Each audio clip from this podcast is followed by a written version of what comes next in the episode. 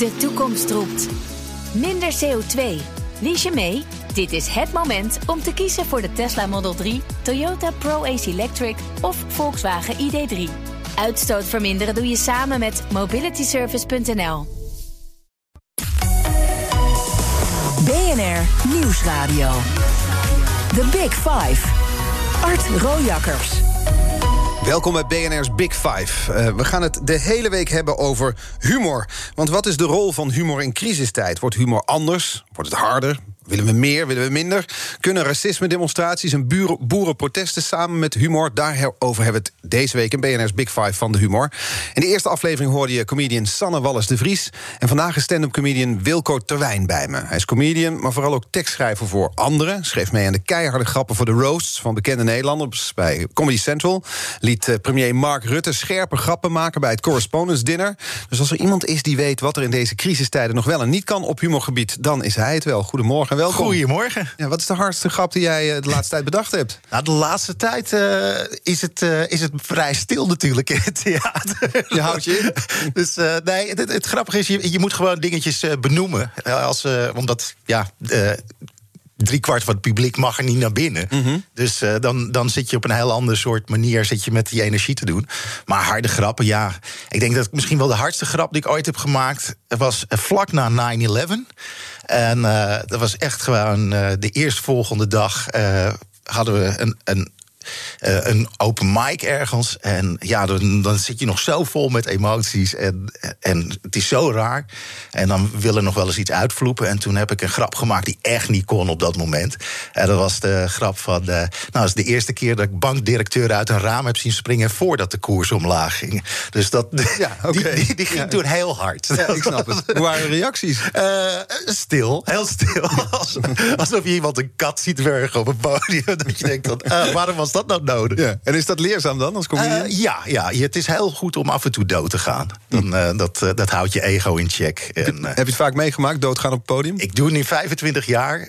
ik zou liegen als ik nee zou zeggen. Nee, ja, ik heb, ik heb best wel vaak rare dingen meegemaakt op het podium. En, ja. en dat is goed, dat is leerzaam. Maar ja, niemand doet het graag, laat ik het zo zeggen. We gaan straks nog over je podiumervaring hebben. Maar je schrijft ook grappen voor anderen. Je schrijft teksten voor anderen. Klopt.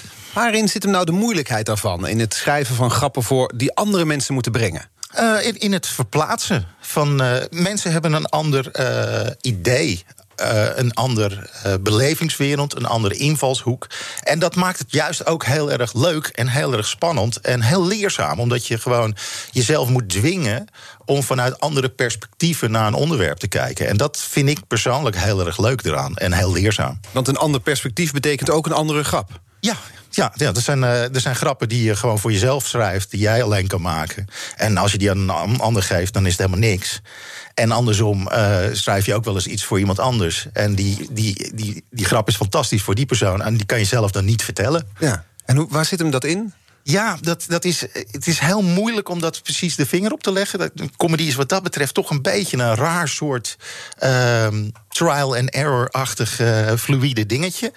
Uh, dat heb je soms ook gewoon puur qua stemming of zo. Weet je wel? Soms uh, grap die je honderd keer achter elkaar dak eraf hebt. Dan heb je gewoon één avond dat hij het niet doet. Dat is, dat is altijd raar. Het is niet te voorspellen eigenlijk. Het is soms een beetje raar, ja. Dat, kun, je, kun je iemand anders harder grappen maken dan jij zelf kan maken? Makkelijker nou, verschuilen achter iemand anders met andere nee, woorden? Nee, nee, nee. Als je voor andere mensen schrijft... moet je altijd ervan uitgaan dat iemand 100% achter wat hij zelf zegt staat. Je kan iemand wel grappiger maken... maar je kan niet de onderliggende boodschap veranderen. Want dan, dan zit iemand gewoon een rol te spelen... en dan wordt het een acteur. Mm -hmm. En dat is iets heel anders dan... Uh, iets, iets wat je zelf vindt uh, zeggen, maar dan op een net iets grappigere manier. En op die manier probeer je voor andere mensen te schrijven. Zo doen we dat bijvoorbeeld met de roasts.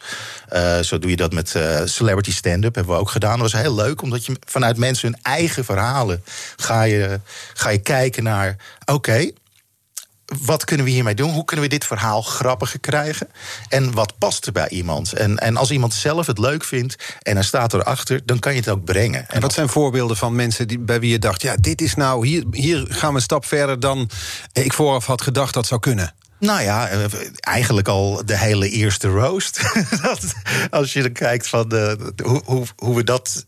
Ja, de eerste reactie in Nederland is altijd met dat soort dingen ook correspondence dinner of de roast. Is dat, ja, dat kan niet in Nederland. Nee, maar nog even alle duidelijkheid: de roast is, was een Amerikaans fenomeen. Je hebt een bekend iemand en die wordt daar door vrienden, bekenden en door comedians tot op zijn enkels afgezaagd. met een glimlach op het gezicht. Met, en het is een hele oude traditie in Amerika. Uh, dat is al uh, vanuit de Friars Club echt. Uh, en het oude vaudeville is dat, uh, is dat uh, een traditie. En die traditie was eigenlijk gewoon zo... omdat je vroeger mocht je helemaal niet schelden op het podium. Dus voor de, voor de jaren 60, voor Lenny Bruce en George Carlin en dergelijke... mocht je helemaal geen blue material gebruiken. Nou ja, het zijn natuurlijk wel artiesten... Dus als dat, als dat binnen een besloten club was, dan konden ze zeggen wat ze wilden.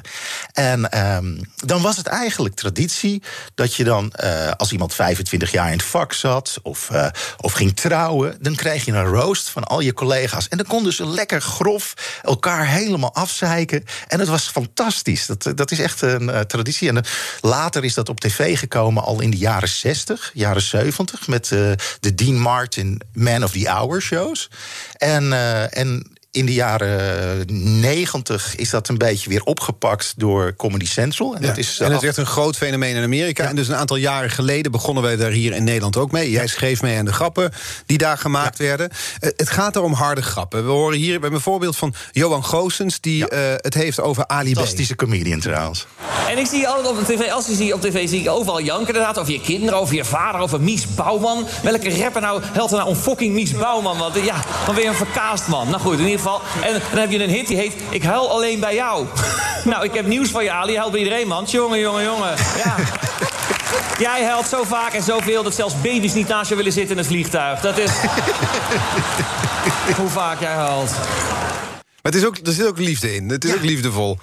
Ja, dat, dat, is, dat is de basis van de roast. Is we only roast the ones we love.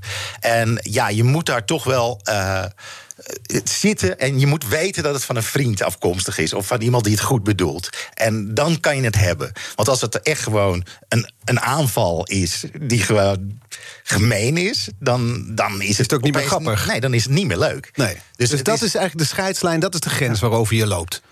Ja, uiteindelijk uh, is zeker met harde grappen is de intentie of wat er echt bedoeld wordt, is uh, wanneer het pijnlijk wordt of niet. En ik heb altijd zoiets van. Op het moment dat je dat uh, in een roastvorm doet, is die conventie helemaal duidelijk. Mm -hmm. Iedereen weet, ik kom aan de beurt en er is niks heilig. En alle, alles wordt omvergetrapt. Dus je, je gaat al met je bitje in zitten, scheenbeschermers, helm. En dekking omhoog. ja. En dan moet je gewoon keihard gaan lachen. Dat is als, de enige manier om ermee om te gaan. Als er iets wordt gezegd wat gewoon echt pijnlijk is. Ja. Maar nou, nou, schrijf jij daar dus met een team natuurlijk. Schrijf je ja. de grappen voor mensen die daar staan die wat minder ervaren zijn in het nou brengen van grappen. Hoe is het dan als je dan... is dat comedians schrijven in principe hun eigen ding. Daar, daar, daar zitten we nog wel een beetje afstemming van wie. Er moet niet te veel overlap van grappen zijn. En dan dus heb je bekenden en vrienden en daar, ja. die helpen jullie met hun Precies. materiaal. Maar dan kan ik me voorstellen, heb je daar, dan denk je: dit wordt hem, dit is die ene grap, dit wordt lachen. En dan slaat het totaal dood doordat ja. iemand hem verkeerd brengt. Hoe ja. zit jij dan achter de schermen? Ja, jammer. Dat is, nee, het is meer dan jammer. Ja, nee, maar het is echt. Nee, ik, ik, ik vind het jammer gewoon voor die persoon. Omdat ik weet uit ervaring hoe heftig het is dat je een grap vertelt en die dan niet valt. Wat je vertelde zelf, ja, al die 25 is, jaar maak je het regelmatig ja, mee. dat is doodgaan. En dat gun je echt. Nou, comedians onderling, die hebben het vaak genoeg meegemaakt. Dus die hebben al een beetje een olifantenhuid gekregen. Maar als je dat nog nooit eerder hebt gedaan en het gebeurt je, ja, dan, uh, dan zit je toch, dan heb je gewoon, dan voel je de pijn. Ja. Dus je, je, leeft heel erg met mensen mee. En Want er zijn bij de roast een aantal voorbeelden van mensen die het er niet zo goed van afbrachten. We hadden Bridget Maasland, er werd het ja. over gezegd. Ferry Doedens, van die, van die ja. laatste is ook eigenlijk niks meer te vinden. We hebben één fragmentje, een heel vergeten, stoffig hoekje van YouTube weten te vinden. Luister maar van mee. Meneer Prem, wat ontzettend gezellig dat u er ook bent. Ja, ik, ik, zeg liever meneer Prem. Niet alleen omdat u ouder bent. Maar ook omdat ik uw achternaam gewoon niet helemaal goed kan uitspreken. Prem, Radisha. Ja, ja, het, klinkt alsof iemand een doos krebbel op de grond heeft laten vallen. Maar oké. Ja. Jezus. Hij schiet zelf ervan. Ali, jij bent echt een... eh, Ja. Ja, kijk, wat, wat er met, met Ferry gebeurde. Het stomme is, Ferry kan het eigenlijk wel. Want we hebben hem ooit bij eh, Celebrity Stand-Up gehad. En dan was hij heel leuk. Wat gebeurt hier? Maar hij maakte een, eh, een klassieke fout. En dat is, dat is een fout waar je zelfs gevestigde comedians, als ze dat doen. Krijgen het dan niet binnen die tijd weer op orde. Wat er gebeurde is, het was heel spannend. De, de zaal was best wel lastig te bespelen, omdat er niet voor je het publiek zat, maar juist heel erg om je heen. En ehm, hij versprak zich vlak voor de punchline. eh, in de setup. Dus als je vlak voor de punchline je verspreekt, dan is die grap weg. Ja. En Alle comedians weten dat. Eh, en, en dat gebeurde bij zijn openingsgrap. Dus die ging al weg. Toen kreeg je, oh kut, het werkt niet. Dus dan ga je nog meer in paniek schieten. stress? Tweede grap die hij doet, maakt hij dezelfde fout. Ook een verspreking. En als je een verspreking maakt in, vlak bij de punchline...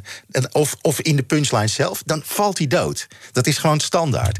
Omdat En toen- mensen voelen, het klopt niet meer. En toen, eh, toen, toen was de derde grap, deed was hij al helemaal gewoon... oh shit, wat gebeurt mij nou? En toen versprak hij zich weer. En toen was ik, oké, dit, dit is niet meer recht te vrijen. Dan is het vertrouwen onbewust bij het publiek weg. En dan hebben ze de beslissing gemaakt. Jij bent niet grappig, denken Nou ze ja, dan. Het, het is soms echt binnen een minuut beslist een publiek van... ah, nee. En dan zit je achter de schermen zit je met pen en papier. Die grappen staan op papier. Je zit mee te schrijven. Je denkt, dan gaan we. Nou, je zit niet mee te schrijven, je zit gewoon te kijken en je weet gewoon, ah, shit, wat jammer, wat een super aardige gozer. En ik weet dat hij het kan. En dat was het. Kijk, als iemand het niet kan en het ga- gaat mis, oké, ja, we hebben het geprobeerd. Maar als je weet dat iemand kan en het gaat mis, dan vind je gewoon, oh, dat is echt kut. Wel? The Big Five. Art Rojakkers. Deze week vijf kopstukken uit de wereld van de humor. En vandaag de gast comedian Wilco Terwijn. Hij staat niet alleen zelf op het podium, is ook veel gevraagd schrijver voor andere comedians. En leeft zich helemaal uit in het schrijven van The Roast op eh, Comedy Central met zijn, eh, met zijn team. Ehm, ja, gisteren was hier Sanne Wallis de Vries Ja. te gast. Eh, gasten stellen elkaar hier een kettingvraag. Dit was haar vraag aan jou. Ik weet dat hij dus meeschrijft aan de roast. En ik weet nog dat ik in de voorbereiding van de roast af en toe zei... jongens, jongens, jongens, dit is wel heel grof. Zei ze, oh, wacht maar, wat er over jou gezegd gaat worden. Dacht ik, oh, oké. Maar ik kreeg toen de indruk dat de sky the limit was. Maar heeft Wilco wel eens een grap geschreven... of heeft hij wel eens een grap gehoord? Of vindt hij dat er grappen zijn die echt te ver gaan... die je echt niet kan maken? Dus dan- Ja, ja, ja nou, het is wel een hele goede vraag. Eh, ik vind het qua inhoud. de eerste keer dat je dat zegt dit uur. Dat is dan over een vraag van Sanne Wallis de Vries. Nee, nee, maar het, het, is, het, het ligt heel erg raar. Want eh, ik beschouw het echt vanuit een comedy-perspectief. En wat ik dus echt niet vind kunnen, zijn hele slechte grappen van helemaal doodgelopen paden.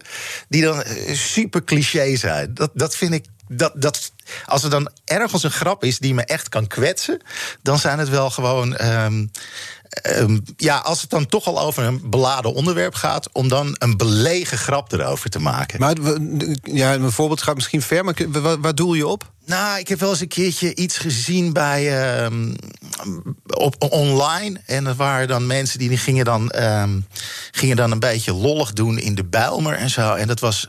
Dat waren echt allemaal tenenkrommend slechte grappen. Die eh, randje racistisch. En dan gewoon echt niet verder nagedacht dan de eerste. eh, ja, Het eerste wat in je opkomt. ja, nou ja, het eerste wat in een, eh, in een slechte kroeg eh, over de bar wordt geschreeuwd. Laat Ja. ik het zo eh, omschrijven. En dan vind ik het echt zo van, oeh, dan, dan krijg ik altijd een heel erg soort tenenkrommend gevoel.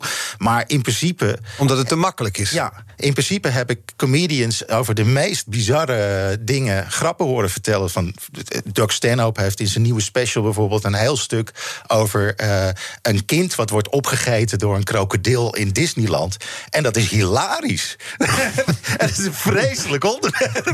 Want dat kind kan er niks aan doen. Nee.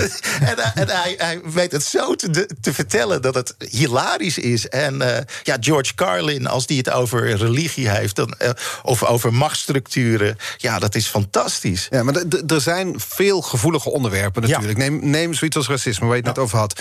Kun je daar, durf je daar, wil je daar grappen over maken? Nou, ik denk dat je daar bijna wel grappen over moet maken. Ik vond het ook heel moedig van Ali dat hij zei van laten we al die, al die vooroordelen gewoon bij de horens pakken. Laten we ze allemaal gewoon doen.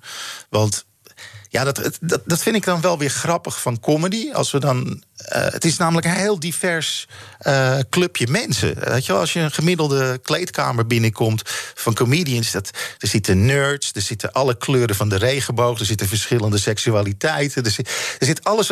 heel vaak is het heel internationaal, dus eh, je speelt ook vaak regelmatig... met Engels sprekende comedians en zo. Dus ja, die komen overal en nergens vandaan. En dat is een heel gemeleerd, raar een zootje misfits eigenlijk. En die hebben dan wel een soort, als een soort fraternity zitten ze dan. Oh ja, je bent grappig, dus dan hoor je Dan erbij. hoor je erbij. Ja. En, maar eh, dat is dan de comedians onderling, maar het publiek. Want we staan, hè, door, ook door de crisis waarin we nu zitten, we staan op scherp. Er zijn veel gevoelige thema's, er zijn veel protesten Nou op ja. straat. Zijn we tegenwoordig als is je publiek, zijn we sneller beledigd bijvoorbeeld dan een aantal jaren geleden? Nou ja, ik denk wel dat de meeste mensen een stuk minder volwassen zijn in het omgaan met, eh, met dingen die je niet bevallen. Hoe bedoel je dat? Nou ja, eh, mensen lopen voor- voor alles wel te zeiken eigenlijk. Oh, oh, ze hebben me gekwetst. eh. Wel, hou op. Weet je wel. We kunnen minder hebben. Nou ja, eh, wat dat betreft wel. En, en er wordt natuurlijk harder geschreeuwd. Dat is natuurlijk ook alweer zo. Want als je achter je toetsenbordje zit op Twitter en je bent eh, sterretje 34, ja, dan kan je allerlei mensen gewoon persoonlijk aanvallen. En dat zie je in je tijdlijn. En ja, van dat soort Mongolen had je vroeger allemaal geen last. Weet je, hoorde, Dus- zag je niet. Nee, die, die zaten gewoon ergens in, in, in, een, in een portiekje best bier te zuipen. En dat, En nu hebben ze een computer en ja, internet. dat weet je, iedereen heeft tegenwoordig wel een, een telefoon in zijn klauwen. Maar wat is dan de reactie van jou als comedian of als tekstschrijver? Als je zegt van hè, we, we, we zijn sneller beledigd. Wat is dan de reactie? Extra hard beledigen? Nou, ik denk dat, eh, dat je gewoon moet ehm, bekijken van waarom zi- zijn we zo gauw beledigd. En, en daar weer de draak mee steken. En eh, ik, ik, heb, ik, ik heb ook een, in het voorgesprek een, een Australische comedian... eh, Steve Hughes volgens Steve mij. Hughes, eh, We kunnen even naar hem luisteren, want het is een, En- een voorbeeld. En die, die, die geeft het perfect weer wat, wat eigenlijk een normale volwassen reactie op belediging is. En ja, Zullen we naar hem luisteren? ja het is, dit gaat over being offended. What happens if you say that and someone gets offended? Well, they can be offended. What's wrong with being offended? When did sticks and stones may break my bones stop being relevant? Isn't that what you teach children, for God's sake? That's what you teach toddlers. He called me an idiot. Don't worry about him. He's a dick.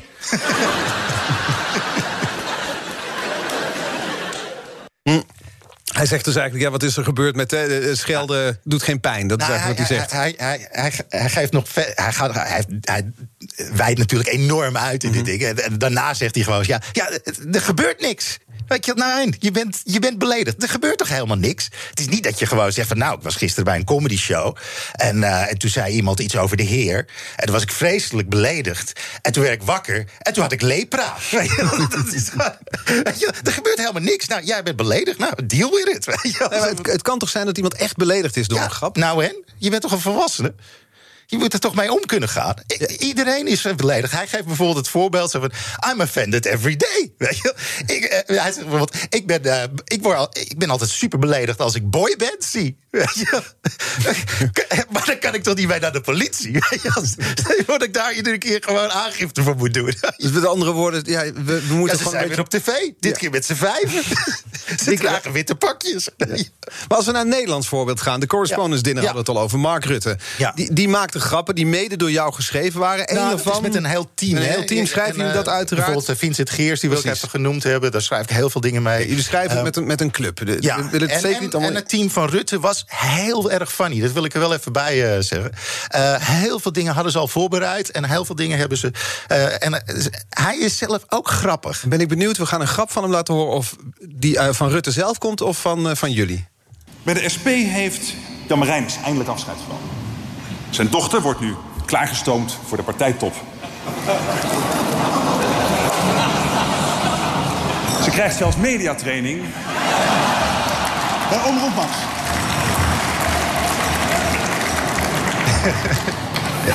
Ja, het gerucht ging destijds dat Lilian Marijnis een relatie zou hebben met, eh, met Jan precies. Slachter. Was dit een grap van Mark Rutte zelf? Nou, kijk, over, over wat wie bedacht heeft, daar ga ik niks over zeggen. Of dat Dat ik vind ge- geheim. gewoon. Nou, niet zozeer geheim, omdat. eh, Dan, op het moment dat er een eh, minister-president iets zegt, wordt alles politiek. Hm. Dus ehm, je gaat ook niet zeggen wat er is geschrapt. Want dan kan je je niet tegen verdedigen. Weet je? wel. En eh, ik weet wel dat bijna alle grappen die daarin zijn geweest, dat is altijd in samenspraak geweest. Waarbij ook het team van Rutte heel veel funny input heeft gegeven. En dat was ik echt wel van onder de indruk. Dus dit was teamwork. Ook deze grap over Jan Nou, Slachter. eigenlijk was die hele speech teamwork. Ja, Dus Jan dat- Slachter liet hierover weten dat hij er niet om kon lachen. om dit dat- grap. dat vind hij, ik altijd- hij vond het vervelend. Hij zei dat was, is privé. En dan gaat dan een minister-president gaat er iets over zeggen. Ik, ja, ik vind dat dat eigenlijk niet kan. Dat was Nou, meer wat hij zei. Het, het, ligt er, het ligt natuurlijk wel wat genuanceerder. Want in het begin staat je een beetje te belachen als boer met kiespijn. En dan als die, als die zaal uitloopt, dan beginnen mensen tegen hem aan te babbelen. En een uur later is hij beledigd, weet je wel. Maar het punt is, het zijn altijd de harde grappen die de hardste lach krijgen. En ik vind Dat was in dit geval ook zo. Ja, dat was de hardste lach vanavond. En ik vind dat eigenlijk de eerlijkste graadmeter hoe mensen echt over dingen denken. Dus als, als er echt hard gelachen wordt, dan is dat iets wat echt is. dan Want is dat ja, ook het Je kan het niet tegenhouden. Het is iets onvrijwilligs. Je, ga- je kan niet gewoon je lach inhouden als, als je dat echt moet. Wel, stel je voor, je hebt een lachstuip vroeger in de klas... En, en je mag niet lachen, dan ga je alleen maar harder lachen. Mhm. Dus het, het is een... Het is, voor mij is een, een harde lach is een soort absolute waarheid. En dan gaan er, daarna krijg je erover gezeik. En dan gaan dan mensen ja, die grap was niet zo goed. Nee, die grap was fantastisch. Mensen lagen in een deuk. Punt. Weet je? En dan wordt er daarna heel erg over geluld. En dat vind ik altijd. Je moet gewoon, als je geschoren wordt, moet je stil blijven zitten. Dat is het meest nette. Maar ja, eh, Jan Slachter die heeft schijnbaar overal verstand van. Dus ook van humor. Dus eh, ik, eh, ik neem met deze mijn vleespet voor me af. En dat komt allemaal wel goed. Maar ja, weet je wel. Maar heb je dan het gevoel achteraf, juist ook als er wat gedoe overkomt... van nou, dat hebben we goed gedaan? Nou ja, over het algemeen is, eh, is, is, is een reactie altijd wel oké. Ik heb liever dat iemand me helemaal kut vindt of helemaal grappig, dan dat ze zeggen: moi, ja, was wel geinig. Dat, daar heb je helemaal niks aan. Nee. Nee. Maar, da- en dus zo'n reactie van Jan Slachter. Er wordt eerst hard gelachen en daarna zegt hij... Ja, ik vond het toch niet leuk. Dan denk je, nou, dan hebben we, eigenlijk, we hebben iets goeds neergezet. Ja, maar dat- is, ook weer een, dat is ook weer achteraf, weet je. Want in principe zie je gewoon aan zijn kop van... oh, dat is een goeie. Hij gaat wel over mij, weet je En dan is het natuurlijk ook, weet je wel... daarna wordt een beetje nagekaart. En dan, dan vormen zich meningen. En dat, dat is vaak het vervelende ervan. Vandaag de gast in BNR's Big Five van de humor... comedian Wilco Terwijn, hofleverancier van grappen voor cabaretiers... en televisieprogramma's. Hij heeft ook een tijdje in Amerika opgetreden... en zag daar een aantal opmerkelijke verschillen... tussen het Amerikaanse publiek en het Nederlandse publiek. En wat die verschillen zijn, daarover praten we straks. BNR Nieuwsradio. The Big Five. Art Rojakkers. Welkom bij het tweede half uur van BNR's Big Five. Deze week vijf kopstukken uit de wereld van de humor. Vandaag de gast Wilco Terwijn, stand-up comedian... en schrijver van onder andere The Roasts... van bekende Nederlanders en het Correspondence Dinner met Mark Rutte. Eh Wilco, jij hebt ook in Amerika opgetreden. Eh, ja, ik heb, eh, ik heb een paar keer ben ik daar geweest. En ik heb ook een keertje best wel een, gewoon iets van zes, zeven weken daar gewoon getoerd. Dus New Het publiek York. daar heel anders? Ehm, dat is per, per stad al heel verschillend. Dat is, eh, en zelfs per club. Dus je kan in New York kan je gewoon een club uitlopen waar je net gespeeld hebt. 300 meter verder lopen, andere club binnenlopen. En dan heb je een totaal ander publiek. De een is bijvoorbeeld zijn native New Yorkers. Dus die zijn heel erg gewend, eh, de big city guys en dat soort dingen. En dan 300 meter verderop zitten er toeristen. En dat zijn dan gewoon Amerikanen die een keertje naar de grote stad komen. En dat zijn dan allemaal boeren. Die zijn veel conserva- co- conservatiever. En dat, dat is zo bizar dat je gewoon op 300 meter afstand een totaal verschillend publiek tegen kunt Dus je kunt niet zeggen in zijn algemeenheid... in Amerika kunnen ze meer of minder hebben dan wij hier. Nee, het, het is daar ook veel meer gefragmenteerd. En dat heeft te maken met dat bijvoorbeeld. ehm, eh, comedians zijn door het internet en door eh, bijvoorbeeld podcasts en eh, via YouTube. Heeft iedereen zijn eigen niche aan publiek. Dus als jij solo gaat toeren, kan je in iedere grote stad jouw publiek vinden. Die vinden jou dan en, dan. en dan wordt het allemaal helemaal te gek. Maar dan sta je dus eigenlijk voor je eigen parochie op te treden.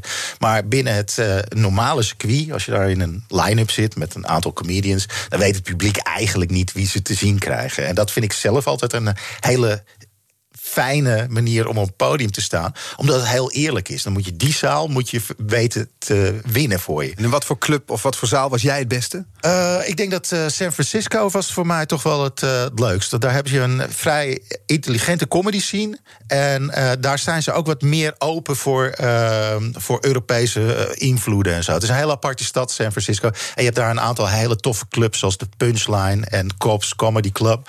En vooral die avond in Cops Comedy Club. Toen zat ik al echt gewoon. Dat was al een beetje op het einde van die tournee. En dan, dan heb je dus wat vlieguren onder de riem. En daar kon ik wel lekker rocken. Ja, dat is wel. eh, Dan snappen de Amerikanen jou misschien en jij de Amerikanen ook.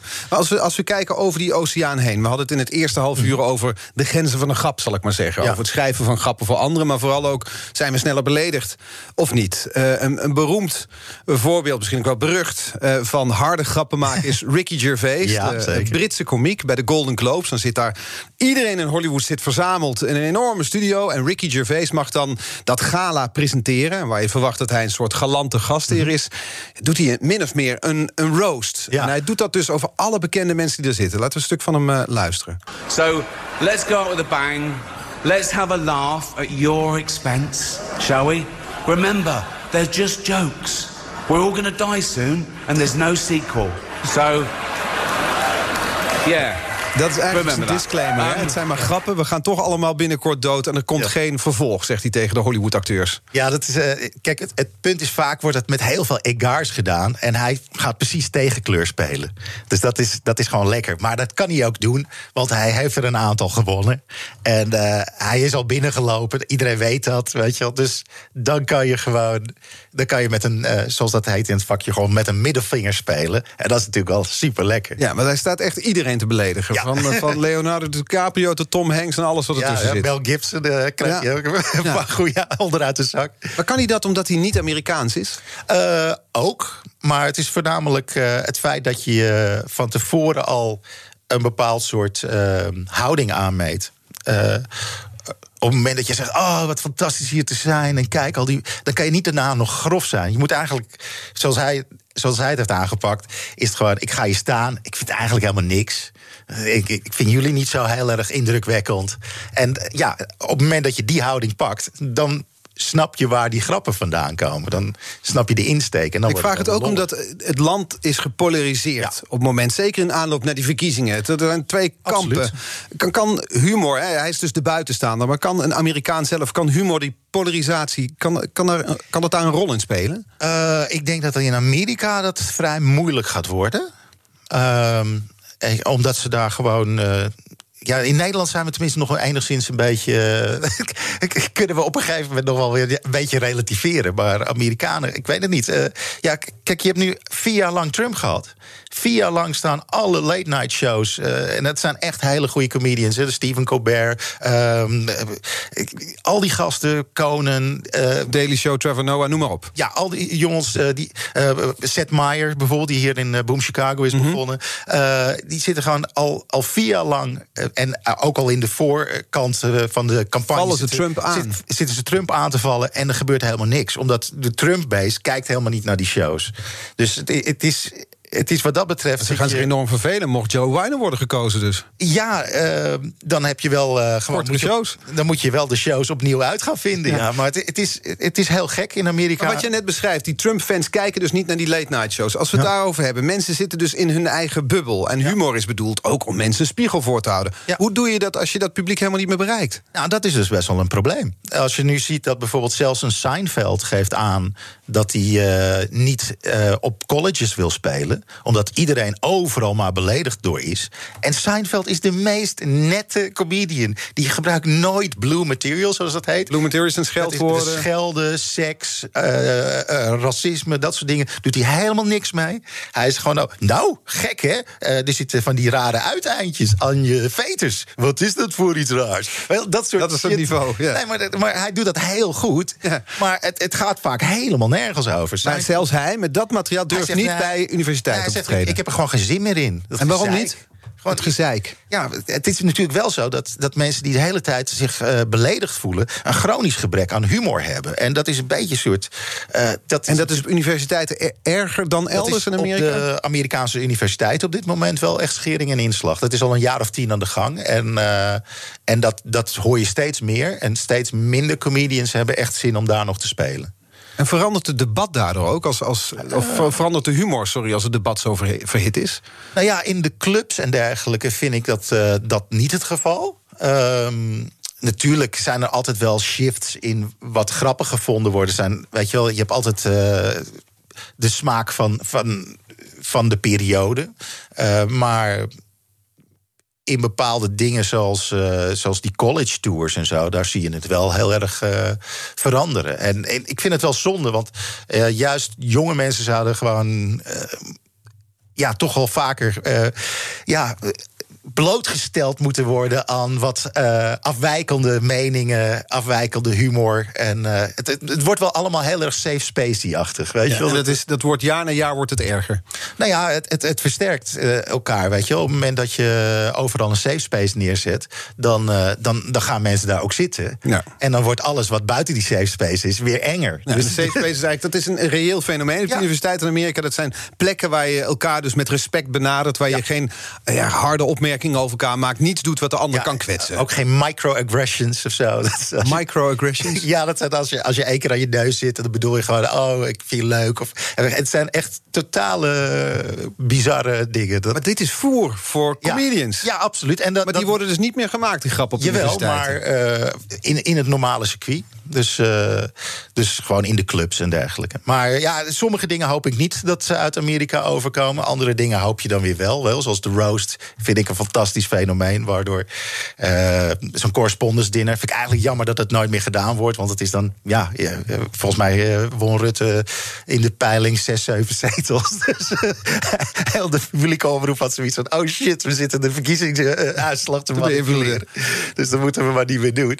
Maar ja, dat, ik vind het heel gaaf dat dingen die, waarvan wij in Nederland zeggen: ja, dat kan hier niet, dat die dan toch kunnen. En sommige dingen zijn wel tof. Bijvoorbeeld, wat ik heel gaaf vind, is dat je mede dankzij bijvoorbeeld Correspondence Dinner. Uh, je hebt nu ook dat heel vaak CEO's uh, ons uh, benaderen voor tekstschrijven en zo. Dat, we hebben... En voor wat voor momenten is dat dan? Als, nou ja, als, als, we bijvoorbeeld, als we bijvoorbeeld een productlancering moeten doen of zo. Kijk, in Amerika... Als maar geef er eens een voorbeeld van. We hebben de CEO van Philips en die komt nou, dan met drie harde grappen het podium op. Nee, we hebben bijvoorbeeld afscheid van, van de financieel directeur van...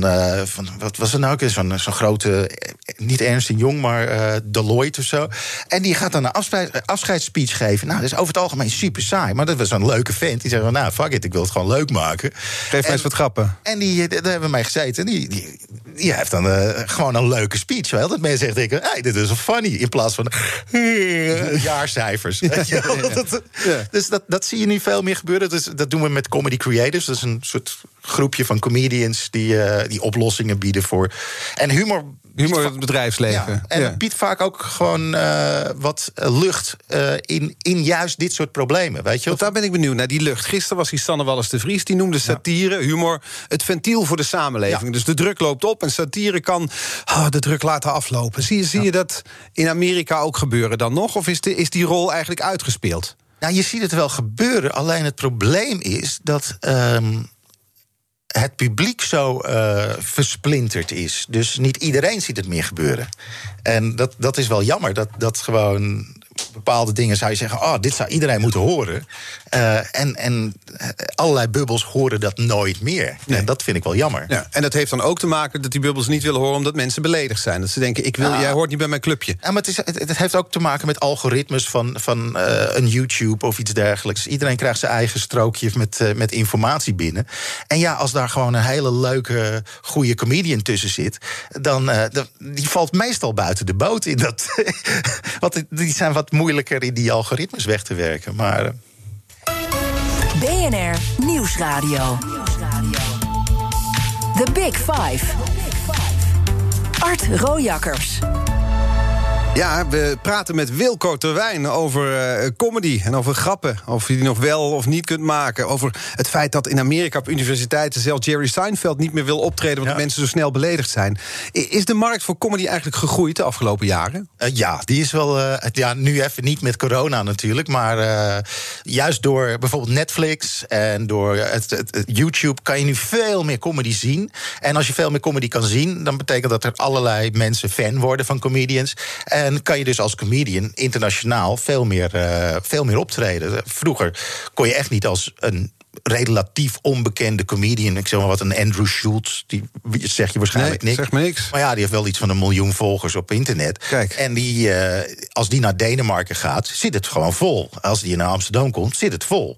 Dus dat, dat, zijn, dat zijn dingen die je vroeger niet had. Dus het heeft ook wel weer zijn voordelen hoor. Het komt door YouTube. Welke, welke rol speelt Netflix bijvoorbeeld? Want daar, daar staan ook eindeloos veel comedy Eh, Netflix shows heeft op. enorm geïnvesteerd in eh, stand-up comedy. Ehm, ze hebben heel veel specials uitgegeven. Is zelfs eh, een internationale comedy special geweest... eh, waarbij ze allerlei eh, mensen uit allerlei landen in het Engels laten eh, optreden. En ook in het Nederlands. En dat werd dan vertaald eh, of eh, ondertiteld. Zo hebben Soendos, Martijn Koning en Ryan Pandey... hebben in de Netflix special gezeten. En ehm, ja, ze hebben enorm veel specials uitgegeven... en durven daar ook echt flink geld uit te geven voor grote namen. Bijvoorbeeld Seinfeld heeft 100 miljoen dollar gekregen van Netflix. 100 miljoen, 100 om wat te dollar doen? voor...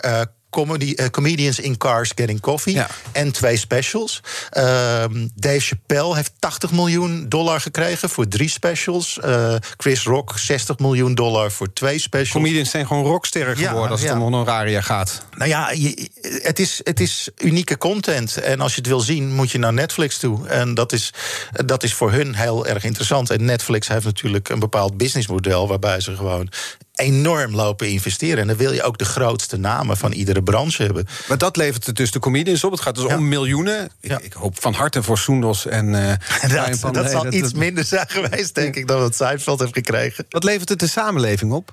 Eh, nou ja, dat je gewoon lekker veel comedy kan kijken. Dat, eh, ja... En meer hoeft het ook niet te zijn misschien. Nou ja, ik, ik weet het niet, maar heb jij eh, heb je het gemiddelde tv-aanbod van de laatste tijd gezien? Met al die herhalingen in de zomer. Dat, dat, ja, het is soms wel eens lekker om gewoon even, een specialtje lachen. te kijken. Ja. Ik denk dat heel veel mensen toch wel een beetje van het lineaire kijken afgaan. En gewoon zelf meer gaan shoppen van wat ze. Ja, een behalve donderdagavond half tien. Dan zitten we allemaal nee, klaar voor RTL 4. allemaal- eh. Ja, precies. Dan, Ja, dan ja. zitten we gewoon met, met een pak popcorn jou te wachten, ja, ja. Er is, maar goed, er is dus meer comedy dan ooit, zou je kunnen zeggen. De stemmen van comedians zijn overal te horen. Op Netflix, YouTube, er is ook geen talkshow meer... waar geen comedian aan, aan tafel zit. Hoe valt het dan te rijmen met het gevoel dat we nu dit uur bespreken... dat mensen wat sneller beledigd zijn, dat we minder kunnen hebben? Eh, ja, wat ik, wat ik al zei. ehm, mensen zijn gewoon minder volwassen omgegaan met, eh, met, met beledigingen. Ja, als, als ik jou een lul noem, ja, dan kan je, kan je nu gaan janken. Maar je kan ook gaan denken: ja, ik vind jou ook een lul. Tot ziens. Weet je wel, het, het is niet erg. Weet je wel? En, en op de een of andere toch, manier maar- maar dat hebben we in ons hoofd het idee gekregen, of ergens is het idee gaan leven, dat je het recht hebt om niet beledigd te worden. Mhm. En het is een totaal onzinrecht. En sowieso kan je over rechten nogal discussiëren, maar. eh, Niemand heeft dat recht om niet beledigd te worden. Want ik weet niet wat een ander beledigt. Ik heb, ik heb wel eens iemand huilend uit de zaal zien rennen. omdat ik het had over een huisdier. En wat bleek, haar kat was gisteren overleden. Ja, hoe moet ik dat ruiken? Weet je wel, ga ik dan niet meer over huisdieren praten? Weet je wel, moet YouTube dan opeens alle kattenfilmpjes afschaffen? Dat- dat- het is. Kijk, als, als er Nee, iemand lijkt, die is. discussie over die belediging lijkt iets van de laatste jaren. En jij zegt er van het recht beledigen, daar had je het over. Ik wil je even mee terugnemen in de tijd. Naar 2007, dus 13 jaar geleden alweer. Toen eh, was er is een legendarisch televisiefragment. Hans Steeuwen Ja. met de meiden van Halal. Ja. Dat gaat ook over beledigen. Die meiden die voelden zich beledigd door een lied... Dat hij, waarin hij hen had opgevoerd op nogal grove wijze. En dit vertelde hij daarna in gesprek met hen. Maar ik scheld niet zomaar uit. Ik maak grappen. En Ja, soms zijn dat grappen die, eh, over dingen... want juist ook eh, onderwerpen die gevoelig liggen of die controversieel zijn... die zijn leuk, die Ja. zijn spannend. Daar zit spanning. En als, als cabaretier werk je daarmee, juist. Anders moet je het hele eh, genre cabaret of satire afschaffen. Oké. Maar eigenlijk hè, zijn we nu 13 jaar verder. En we hebben het nu over de grenzen van de humor. Maar de angst of de, de, de redenatie is precies hetzelfde als 13 jaar geleden. Dus misschien is de discussie wel van alle tijden. Zijn we helemaal niet sneller beledigd? Waren we dat toen ook al? Nou, ik denk wel dat wij een eh, periode hebben gehad waar eh, je in Nederland echt bijna alles kon zeggen. Ik denk dat de periode waar ik ben opgegroeid, jaren 80, jaren 90... als je dan kijkt naar wat toen als kindertelevisie bijvoorbeeld werd beschouwd... dat was idioot, weet je eh, Rimbo en Rimbo en zo. En dat, als je dat dan vergelijkt met. Ik denk dat wij een hele aparte jaren 60 hebben gehad in Nederland. Waarbij uh, bijvoorbeeld dat uh, bekende proces van uh, Reven wel een rol heeft gespeeld. daarna is er met bijvoorbeeld de VPRO. zijn er enorme slagen gemaakt over. De grens opgerekt? Ja, waar, welke, waar de grenzen liggen. dat, dat is in Nederland, denk ik, succesvoller geweest dan in een hoop andere landen. En nu zie je die samentrekking weer van van oh, dit kan allemaal niet, dit kan allemaal niet, dit kan allemaal niet. Maar dat is dus een gemiddelde Theo 13 jaar geleden al beschreven. Eind jaren 80. Die zou echt zo denken van waar, waar maken jullie allemaal druk om zeg? Wat We zijn truttiger geworden. Ja, dat, absoluut. En tegelijkertijd is er meer comedy dan ooit. Die ja, maar dat permitteren overal grappen over te maken. Dat, het is niet zo dat er vroeger geen comedy was. Maar je zag het gewoon niet. Ik weet nog goed dat toen ik begon met comedy 25 jaar geleden... had je de, de, de cultvideotheek op de Overtoom.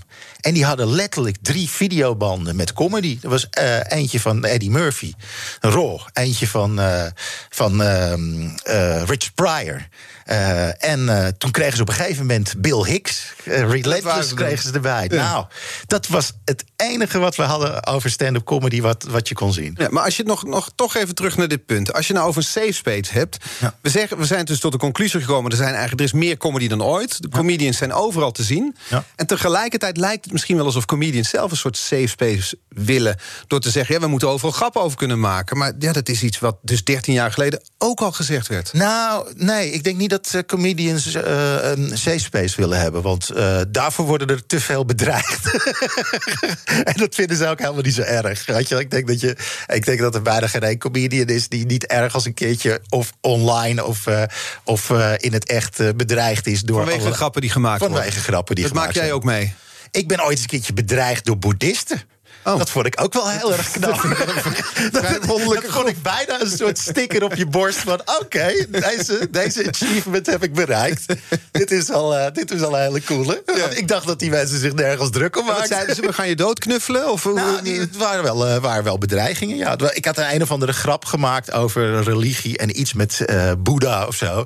En het was iets van dat het een soort Tokkie God was. Dikke pens. dat hij aan het darten dat viel niet te goed aan. Iets in die richting, weet ik veel. Maar dat is echt gewoon... De, maar dat vond ik, vond ik... Ik was er wel trots op. Van, oh ja, een doodsbedreiging. Ja. Oké, okay, tof. Die woorden van Hans Theeuwen uit uh, 2007. We zijn nu in 2020. Eigenlijk hoor ik jou hetzelfde zeggen als hij. Nou, hij heeft gewoon gelijk. Hij heeft gewoon echt gelijk. Uh, is dus, die discussie is niet veel veranderd. We zijn niet veel verder gekomen. Of... Nou ja, het, het, het punt is vaak... Kijk, wat. Kijk, je, je mag wel beledigd zijn, dat is helemaal geen probleem. Maar dat is wel jouw probleem. Ja. En beledigen, het houdt er ook mee op. Dat is eigenlijk wat je al eerder uh, zei. Ik ben, ik ben redelijk vaak tot op het bot beledigd. Ik, ik weet nog heel goed, ik had een, mijn vader is overleden... maar hij was uh, dementerend. En toen wij zijn uh, bejaardenwoning opruimden... kwam ik opeens een kast tegen... met allemaal van die bedelbrieven van hele vage, kleine... Ja. Van die ja, goede doelenorganisaties. Mm -hmm. En die hadden dus gewoon zijn adres doorgekregen bij elkaar. Dat je doorverteld. Oh, dat is een gast die gewoon sowieso wel Daar kunnen we wat krijgen. En, nou, dat vond ik echt gewoon, dat vond ik diep beledigd. Maar ik ga niet met een Kalashnikov naar hun kantoor... en, en Jens daar overal twee magazijnen doorheen. Dat, weet je, dat, is, dat is denk ik de essentie van het verschil. Ik snap het. Dat is het punt wat je... Het is prima je... om beledigd te zijn, maar ja, get over it. Hm. Morgen is hier Howard Komproe uh, te gast. Ja. Jij mag hem een kettingvraag uh, stellen. Uh, wat zou je willen vragen? Howard. Ja, ja, ik ken Howard al heel lang. En, Howard, je bent een fantastische comedian. hele goede MC. Maar, wat misschien minder mensen weten... je hebt ook een, een foodblog. En je bent echt een, een foodie en een hele goede kok. Dus ik, ik was eigenlijk wel op zoek naar de combinatie daarin. En ik ben eigenlijk wel benieuwd... wat is jouw beste grap die je ooit over eten hebt gehoord of gemaakt? We gaan het er morgen stellen. De beste grap over eten van, uh, van Howard Kompoen. Wilco Terwijn, dank uh, voor je komst uh, vandaag. Alle afleveringen van BNR's Big Five zijn natuurlijk terug te luisteren. De podcast is te vinden op de BNR-app en op bnr.nl. Nu op deze zender Jurgen Rijman met Ask Me Anything. Tot morgen. De toekomst roept. Minder CO2. Lies je mee? Dit is het moment om te kiezen voor de Tesla Model 3, Toyota Pro-Ace Electric of Volkswagen ID3. Uitstoot verminderen doe je samen met mobilityservice.nl.